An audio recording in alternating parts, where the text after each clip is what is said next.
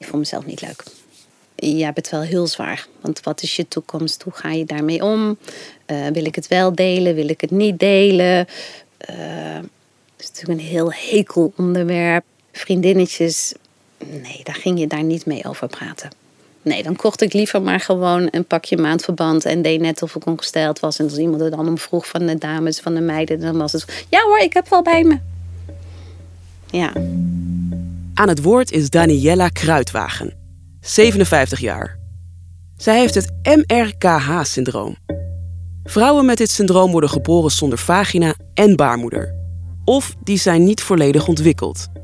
Ze hebben wel eierstokken, maar hun menstruatie blijft uit en zwanger worden is niet mogelijk. Hoe is het om met dit syndroom te leven? Danielle vertelt over de lange weg die ze heeft afgelegd om zichzelf te accepteren en open te zijn over de aandoening. Dit is Komt een mens bij de dokter. En ik ben Angelique Houtveen. En in deze podcast horen we verhalen uit de spreekkamer. Intieme, ontroerende en opzienbarende verhalen. Van mensen die lang niet altijd de hulp krijgen die ze nodig hebben. Het MRKH-syndroom. De afkorting staat voor de beginletters van de vier artsen die het hebben gesignaleerd. De H van het syndroom wordt vaak weggelaten, ook door Daniela. MRK dus. Een zeldzame aandoening waar weinig aandacht voor is. Veel artsen weten niet eens van het bestaan. Bij 10 à 20 vrouwen per jaar in Nederland wordt het syndroom gediagnosticeerd. Of het erfelijk is, is onbekend. Daniela groeit op in Arnhem. Uiterlijk is van het syndroom niks te zien. Als meisje heeft ze dan ook geen idee wat er mis is. Ik was 15 en ik werd natuurlijk niet ongesteld. En dus dan uh, zegt de moeder van, iets klopt daar niet, laten we eens langs de huisarts gaan. Die heeft alles even gecontroleerd. Hij had zoiets van, goh, jouw moeder die was ook wat later, we wachten nog even. Uh, ik zie je over, ik denk dat het een halfjaartje was, weer terug. De huisarts doet bij dat eerste bezoek een inwendig onderzoek. Daniela's vagina is niet goed ontwikkeld, maar dat ziet hij over het hoofd, aangezien er wel een kuiltje zit wat vaak wordt verward met het maagdenvlies. Dat klinkt een beetje kil en technisch, maar Daniela vindt het belangrijk dat er in heldere termen over wordt gesproken. Een half jaar later zit ze weer bij de huisarts. Toen bleek dus dat het toch niet helemaal oké was. En toen heeft hij toch aangeraden om een kijkoperatie te laten doen. Uitwendig was er verder helemaal niets aan de hand. Dus ja, wat zou het dan zijn? MRK is iets wat ook nog niet heel erg bekend is. Niet bij huisartsen, niet bij gynaecologen, niet bij artsen in opleiding. Dus eigenlijk was het wel heel fijn dat hij me meteen al doorverwees om bij de gynaecoloog ja, een kijkoperatie te laten doen. Want anders was ik misschien nog veel langer aan het zoeken geweest. Na de kijkoperatie moet Danielle met haar moeder terugkomen voor een gesprek. De gynaecoloog vertelt dat ze het MRKH-syndroom heeft. Van het gesprek kan ze zich weinig herinneren. Het dringt niet tot haar door wat de arts tegen haar zegt. De meeste indruk wat het had is van dat ik nooit kinderen zou kunnen krijgen. Ja, dat andere was nog niet aan de orde. Nee, je bent 15, je denkt helemaal nog niet aan seks. Tenminste, ik niet. En op dat moment echt, ik was gek op kinderen. Ik ging oppassen op alle buurkinderen, op neefjes, nichtjes. Ik wilde er wel elf. En als je dan hoort van nee, dat gaat nooit lukken, dat was wel een bom. Haar moeder reageert goed. Na afloop van het gesprek neemt ze Daniella mee naar een restaurant. Om bij te komen en als vrouwen onder elkaar erover te praten. Verder spreekt Danielle er met niemand over. Ze wil niet denken aan dat ellendige syndroom. Doet liever alsof het niet bestaat. Maar elke keer als ze een vriendje heeft, doemt MRK weer op. In eerste instantie dan denk je, nou, dat ga ik helemaal niet vertellen. Dat vertel ik wel als we wat verder in de relatie zijn. Nou ja, op die leeftijd komen er meerdere vriendjes. Dus de ene keer dan was het bij het eerste afspraakstafel. Ik moet wel even wat vertellen, want we kunnen geen seks hebben en kinderen zitten er ook niet in. Ja, heel gek natuurlijk, maar dat is ook je verwerking waar je mee bezig bent. En de andere keer dacht ik, nee, dit, dit voelt wel heel goed. Dit kan wel eens wat worden. En dan ging ik het nog maar niet vertellen. Danielle heeft een zware tijd. Ze zit slecht in haar vel en blijft dat jaar zitten op de HAVO. Tegenover de buitenwereld doet ze alsof er niets aan de hand is. Ze zal nooit menstrueren, maar heeft altijd maandverband in haar tas. Dat deelt ze uit zodra een van de meiden uit haar klas erom vraagt. Ik vond mezelf niet leuk. Ja, het wel heel zwaar. Want wat is je toekomst? Hoe ga je daarmee om? Uh, wil ik het wel delen? Wil ik het niet delen? Ja, je bent in je puberteit. Dat is natuurlijk een heel hekel onderwerp. Vriendinnetjes, nee, daar ging je daar niet mee over praten. Nee, dan kocht ik liever maar gewoon een pakje maandverband en deed net of ik ongesteld was. En als iemand er dan om vroeg van de meiden, dan was het: Ja hoor, ik heb wel bij me. Ja. Er was wel een dagboek. Ik heb daar ingeschreven. En nou, dit is allemaal wel heel erg kut. Dit vind ik echt niet leuk. En wie wil mij nou hebben? Met hele grote letters. Ik was heel erg verliefd op eh, de broer van mijn vriendin. En, maar daar wilde ik niet eens in de buurt komen. Nee.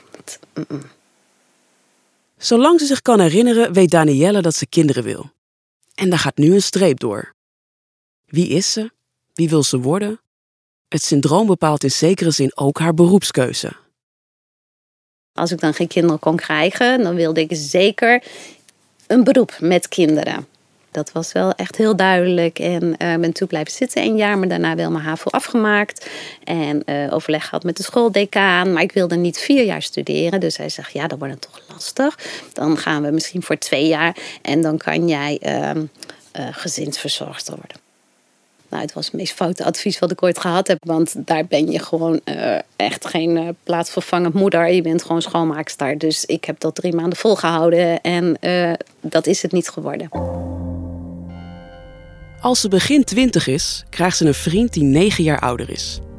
Daniela is erg van hem onder de indruk. Maar hoe moet dat als hij met haar naar bed wil?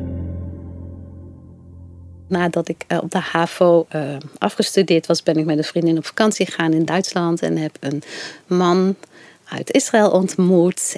Dat klikte. Ik ben een aantal keren daar geweest en hij is bij mij geweest. Totdat we seks moesten hebben, wat natuurlijk niet ging.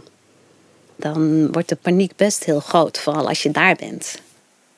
Ik weet nog wel dat hij het in eerste instantie niet geloofde. Zo van, dit kan niet. Hier heb ik nog nooit van gehoord. Dit bestaat niet. Dat gaan we even laten controleren. En daarna kunnen we naar oplossingen zoeken. Hij had het helemaal bedacht, want in Israël is de gezondheidszorg op een heel hoog pijl.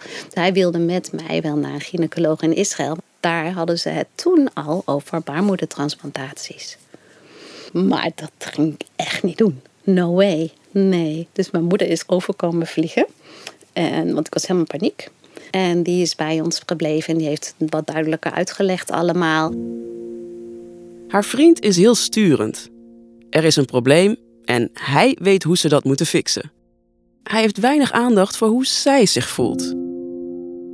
Daniela, nog jong en naïef, is verliefd en bang om hem kwijt te raken.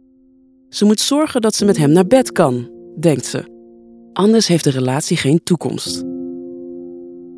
Vanaf dat moment ben ik op zoek gegaan naar opties, naar mogelijkheden. Een van de mogelijkheden is dat je zelf dat kuiltje wat er al is oprekt met een pelote. En je kan het ook zelfs oprekken door seks te hebben. Als je een hele goede band hebt met je partner, kan je dat samen op hele mooie speelse wijze oprekken. Maar goed, dat was voor mij allemaal niet aan de orde. Ik vond dat echt heel naar om te doen in Nijmegen in de Radboud zat dokter Willemsen. Hij is gepromoveerd op dit onderwerp en hij voerde operaties uit. In dit geval de Davidoff-operatie. Ik had voor mezelf besloten, ik ga niet verder met deze relatie voordat ik een echte vrouw ben en in ieder geval seks kan hebben. Hoe ging dat verder? Toen kwam ik terecht in Nijmegen bij dokter Willemsen. Uh, heeft heel open, heel eerlijk, heel duidelijk uitgelegd wat de operatie inhield, wat daarna ook de follow-up was. Ik dacht, dat wil ik. Ja, dat maakt mij tot die echte vrouw die ik wil zijn. En want ondertussen begon seks natuurlijk wel een belangrijke rol te spelen. Op haar 21ste wordt Danielle geopereerd in het Nijmeegse Radboud ziekenhuis. De operatie is zwaar, maar verloopt goed. Je bent geopereerd, uh, je komt bij uit de narcose. Het is best een heel heftig gebied. Je bent verbonden, je kan geen ondergoed aan. Ik had kraamvrouwenmaandverband. Ik was zo trots. Je voelt je echt vrouw. De afspraak was dat ik ieder bezoek weer bezoek moest hebben. Mijn eh, ouders zijn smiddags en s avonds gekomen vanuit Arnhem naar Nijmegen. Ik mocht niet alleen zijn, uh, want ik moest, als ik het wilde, mijn verhaal kwijt kunnen. Je bent geopereerd. Tijdens de operatie wordt er een pelotte ingebracht om die opening, die schede open te houden. En ehm, die moet er op een gegeven moment uit. Als jij niet in staat bent om zelf die pilotten in en uit te brengen, mag je niet naar huis. Dus dat is wel iets waar je echt mee in je, in je achterhoofd zit. Nou, op een gegeven moment, ik geloof twee, drie dagen later, moest de eerste keer die pilotten eruit. Dan word je met bed en al opgehaald. Dan ga je naar uh, een onderzoekskamer. Wat ik me ook niet gerealiseerd had, is dat de Radboud een universiteitskliniek is. Dus behalve dat daar de gynaecoloog stond, stond er ook zo'n heel ritje met allemaal van die mensen die wel eens even dit hele uh, speciale onderwerp kwamen bekijken. Dat vond ik heel erg. Je ligt met je benen in de beugels en alles staat daar omheen. En gelukkig de verpleegster stond naast mij. Ik heb haar hand echt fijn geknepen. En, maar dat is een moment, dat is bijna, bijna mensonterend, vrouwonterend. Dat is het al natuurlijk als je al met je benen in die beugels ligt. Dat vindt geen enkele vrouw fijn. Maar ook nog een studieobject te zijn op zo'n kwetsbaar moment, want dat is het, heftig. Eenmaal thuis duurt het nog maanden voordat ze hersteld is. Tegen haar moeder zegt ze: Niemand hoeft te weten waarom ik in het ziekenhuis heb gelegen. Een eenzame periode die ze grotendeels heeft verdrongen. Als je thuis komt mag je sowieso niet met het openbaar vervoer. Je moet heel erg voorzichtig zijn, want het is natuurlijk heel kwetsbaar allemaal. Je mag niet fietsen. Alles waar maar enigszins bobbels in het wegdek kunnen zijn, is niet geschikt. Dan begin je eigenlijk met uh, die pilotten, die moet steeds langere periodes uit zijn. Net, ja, net zolang tot het op een gegeven moment gaat, het weefsel gaat zich epiteliseren. Zo noemen ze dat. Dan komt er gewoon uh, ja, een wand. En dan... Uh, is het klaar. Maar dat duurt wel even. Ze hoopt dat de operatie de barrière wegneemt. Maar het gaat uit met haar Israëlische vriend. Daniella sluit zich thuis op. Tot haar zus haar overhaalt om iets leuks te gaan doen. Dus ik ben naar de kermis geweest volgens mij in Hussen. En uh, nou ja, daar kwam ik iemand tegen. Dat werd heel serieus. En dat was heel fijn. Hij stond heel erg open voor dat wat ik had. En ook de operatie die ik net had gehad. Hij was heel vrij en dat kende ik helemaal niet. Maar daarin ook ja, de perfecte partner voor mij. Want alles gaat er voorbij. Hij zei: Kom maar, ik help je hiermee. En dat was gewoon heerlijk. Dus um, op een gegeven moment is hij op zichzelf gaan wonen. Ik was regelmatig bij hem. En uh, we hebben werkelijk alles uitgeprobeerd wat maar kon. Aan haar nieuwe vriend vertelt ze direct dat ze geen kinderen kan krijgen. Zijn reactie: prima, geen probleem. Boven alles wil Daniella een kind. Adoptie vindt ze de beste optie. Ze heeft haast, bang als ze is dat ze nooit moeder zal worden. Dat wil ik heel graag, echt heel graag. Ik dacht niet aan carrière maken, ik dacht niet aan leuk werk. Nee, kind.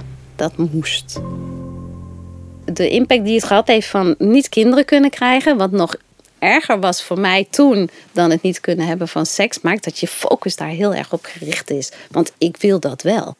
Ik wil een kind. Bijna te misschien wel. Ja, maar ja, ik wilde het zo graag. We zijn gewoon het traject ingegaan en um, erachter gekomen dat we in ieder geval getrouwd moesten zijn we hadden een moedje. We moesten trouwen. En, want je moet vijf jaar getrouwd zijn eh, voordat je überhaupt mag adopteren. Dus dat hebben we ook gedaan. En het is allemaal heel snel gegaan. En eh, ik was 26, toen kreeg ik een dochter. Daniella is dolblij dat het gelukt is. Ze heeft een kind. Ze is moeder. Maar met haar relatie gaat het bergafwaarts. Drie jaar later loopt haar huwelijk stuk en staat ze er alleen voor. Ik heb heel erg aangestuurd op kinderen. Dat was het issue, dat moest ook. Ik denk ook dat daarom de relatie uh, niet goed gelopen is. We waren te gefocust op één ding en vergaten daarbij onszelf. In haar omgeving weet bijna niemand dat ze het MRK-syndroom heeft. Het blijft voor haar een pijnlijk onderwerp. Een geheim dat ze met zich meedraagt. Ze is bang om niet als een echte vrouw gezien te worden als ze het prijs geeft. Wat ik altijd gedaan heb, is um, heel vrouwelijk zijn. Dus voorstaan op mijn uiterlijk, op mijn kleding, toch een beetje flirten. Het was heel belangrijk dat ik ook gezien werd als vrouw. Ze heeft weinig vriendinnen, blijft altijd op een zekere afstand. De vanzelfsprekende intimiteit van vrouwen onder elkaar blijkt voor haar niet weggelegd. Als er vrouwenonderwerpen, zoals menstruatie, worden besproken, wat moet ze dan zeggen? Ik was daar niet zo goed in. Ik had niet altijd alles te vertellen. Dus dan ben je al gauw bang dat je niet interessant genoeg bent. Want datgene wat heel belangrijk is, dat wil je niet delen. Dan trek je toch wat meer terug. En je kan toch niet meepraten over vrouwendingen onder elkaar. Hè? Wat vrouwen natuurlijk met elkaar doen. Je probeert het wel. Maar eigenlijk kan je het niet, want je weet niet hoe die buikpijn voelt. Je hebt geen idee hoe dat is. En dan hoor je vrouwen zeggen van nou, voor mij hoeft dat niet iedere maand. En jij denkt, had ik het maar iedere maand. Ik zou het zo graag willen. Maar dat ga je niet zeggen. Vrouwen met MRK menstrueren niet. Maar ze raken wel in de overgang. Ze krijgen met dezelfde hormonale veranderingen te maken als andere vrouwen. Als Daniella in de overgang komt, is ze blij. Kreeg opvliegers. Joepie! Ook dat was weer een onderwerp van gesprek bij de dames op mijn werk. Want we zijn allemaal een beetje dezelfde leeftijd. Dus ik kon daarin meepraten. Dat was best wel heel leuk. Contact met lotgenoten wil ze heel lang niet. Ze is vastbesloten een zo gewoon mogelijk leven te leiden. Vooral niet af te wijken. Maar als ze begin 50 is, raakt ze in een identiteitscrisis. Dat ze een deel van zichzelf verborgen houdt, begint haar op te breken. Ik wist dat de stichting er was, Stichting MRK, waar je heel veel informatie kon krijgen, maar ik wilde daar geen deel van zijn, omdat ik dacht nog meer van die uh, zielige vrouwen net als ik, dat gaan we niet doen. Toen, een aantal jaar geleden, was ik toch op zoek naar mezelf. Wie ben ik? En toen zei een goede vriend, zei van, maar waarom ga je daar niet eens praten dan? Heb met de toenmalige voorzitter afgesproken. We hebben elkaar ontmoet in een restaurantje in Amersfoort bij het station. We hebben een gesprek gehad en we waren hetzelfde. We hadden zoveel dingen hetzelfde meegemaakt, zoveel dingen ook geadopteerd. Ook de, de problemen die we daarbij tegengekomen waren. Dus um, het klikte heel mooi. Toen ben ik in het bestuur terechtgekomen. En vanuit het bestuur zijn we toen met de Prideboot in Utrecht, waar we voor uitgenodigd waren, gaan rondvaren. En ja, dat is een belevenis, die kan je niet eens beschrijven als je hem niet meegemaakt hebt. Wij stonden op de boot en we hadden een DJ, dus hele harde muziek. Uh, we hadden het met borden uh, waar termen op stonden van je mag er zijn, dat soort dingen. En aan de kant stonden mensen en die deden hartjes en die gooiden bloemen en die stonden te joelen. Het was zo'n warm welkom en het kwam zo binnen. Zonder vooroordelen, niks, terwijl ze wel wisten waarom wij op die boot stonden. Ik heb echt heel erg staan huilen daar. En toen dacht ik, ik mag er zijn. Voor Daniella is de boottocht een keerpunt. Op haar 52ste durft ze eindelijk open te zijn. En dat niet alleen, ze laat zien dat het syndroom deel is van haar identiteit. Er valt een last van haar af. Direct na de boottocht stuurt ze haar collega's een bericht via de groepsapp. Weet het niet meer letterlijk, maar ik heb gezegd: ik ben nu in Utrecht. Uh, ik heb eh, meegevaren op de boot in de Pride en dat had een bepaald doel, want ik ben uh, een vrouw met het MRK-syndroom. Daar inderdaad van uitgaande dat ze dat wel zouden googelen. Dat was op zaterdag. Toen moest ik maandags weer werken. En toen dacht ik: oh, wat heb ik gedaan? En ik kwam op het werk en vond het heel spannend. En het meest mooie was eigenlijk de reacties van de mannen omdat zij zelfs met hun vrouwen hadden overlegd van joh, wij krijgen dit. En Danielle die staat daar op die boot. Dat die vrouwen zeiden wauw, dat ze er op die manier voor uit durft te komen. Daar moet je wel een stap voor zetten. Terwijl je daar juist het meest bang voor bent. Want goed, vrouwen kan je een beetje inschatten. Hè? Die kunnen wel meevoelen. Maar bij de mannen dacht ik, oh, wat zullen ze denken van mij? Die ze gewoon als collega kennen. Maar de meesten vonden het echt heel stoer. Sommigen hadden het ook gegoogeld. En sommigen uh, kwamen alleen maar één kus brengen. Zo van, goed gedaan. Op dat moment dacht ik van, ik ben er. En ik mag er zijn. En ik hoef niet te flirten om er te mogen zijn. Ik vind het nog steeds leuk om me leuk aan te kleden, om vrouw te zijn, om zo eruit te zien. Maar niet als bewijs. Sinds de tocht tijdens Pride leeft Daniela losser, vrolijker en uitbundiger. Het jaar erop staat ze weer op de boot. Wild te dansen in een korte broek en een felgekleurd t-shirt. Iets dat ze vroeger van haar levensdagen niet had aangetrokken.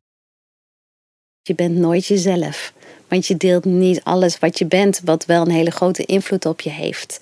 Dus wie heeft ooit in al die jaren de echte ik gezien? Openheid maakt het makkelijker. Ik ben MRK-vrouw en iedereen mag het weten ook. MRK heeft Daniela mede gevormd. Het was geen makkelijke weg, maar ze is er wel een doorzetter door geworden. Een doorzetter in de vorm van die operatie en van het kindje, dat is geen doorzetter, dat is meer doordrammen. Willen hebben. De zoektocht naar mezelf, die was eigenlijk veel zwaarder, want dat andere is gewoon allemaal gelukt. En hier heb ik heel veel moeite voor moeten doen om mezelf eindelijk te accepteren zoals ik ben. Dat heb ik gelukkig eindelijk kunnen doen. Nu is Daniela zover dat ze hier haar verhaal wil vertellen, met naam en toenaam. Ze ziet het als een bekroning. Zelf heeft ze last gehad van een gebrek aan informatie en, vooral, psychologische ondersteuning. Daardoor was het een onnodig lang en zwaar acceptatieproces. Heeft ze een boodschap voor meiden en vrouwen met MRK? Ja, ik hoop dat uh, zij allemaal in ieder geval proberen om meer naar buiten te treden. Want dat maakt het voor jezelf zoveel makkelijker. Je hoorde Daniella Kruidwagen. Meer weten over deze podcast? Kijk dan op komteenmensbijdedokter.nl. Je vindt hier uitgebreide informatie over hoe je de zorg krijgt die je nodig hebt.